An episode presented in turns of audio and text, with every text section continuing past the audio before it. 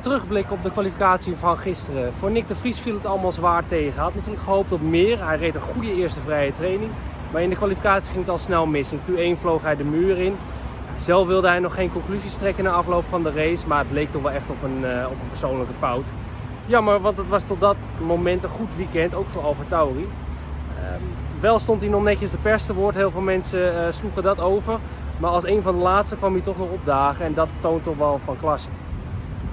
Voor Ferrari was het een hele goede dag in Azerbeidzjan. Uh, Leclerc op pole. Maar als we kijken naar de race, dan lijkt Red Bull toch alsnog wel de favoriet. Leclerc was even ruim een tiende sneller dan Verstappen.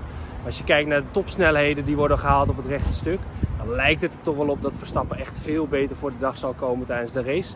Hij ging 342 km per uur op het snelste punt op het circuit, eh, waar Leclerc maar tot 334 kwam.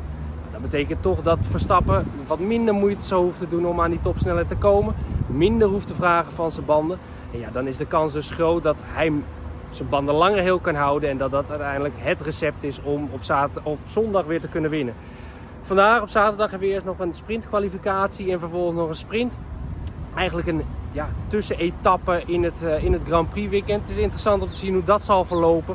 Uh, het zal in ieder geval weer heel spannend worden. En met de punten die er zijn te verdelen, is het de vraag hoeveel risico's alle coureurs zullen nemen. Want crash je vandaag je auto, heb je misschien wel een probleem voor morgen. Maar dat zien we vandaag.